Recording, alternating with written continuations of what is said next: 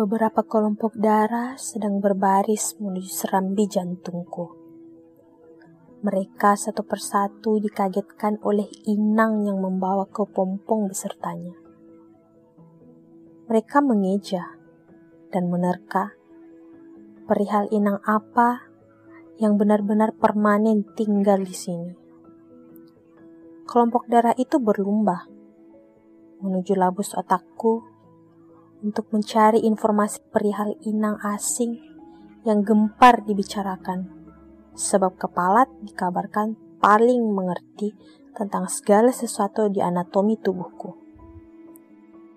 Beberapa detik kemudian, mereka tiba. Tetapi, mereka tak pernah mendapat petunjuk mengenai inang itu.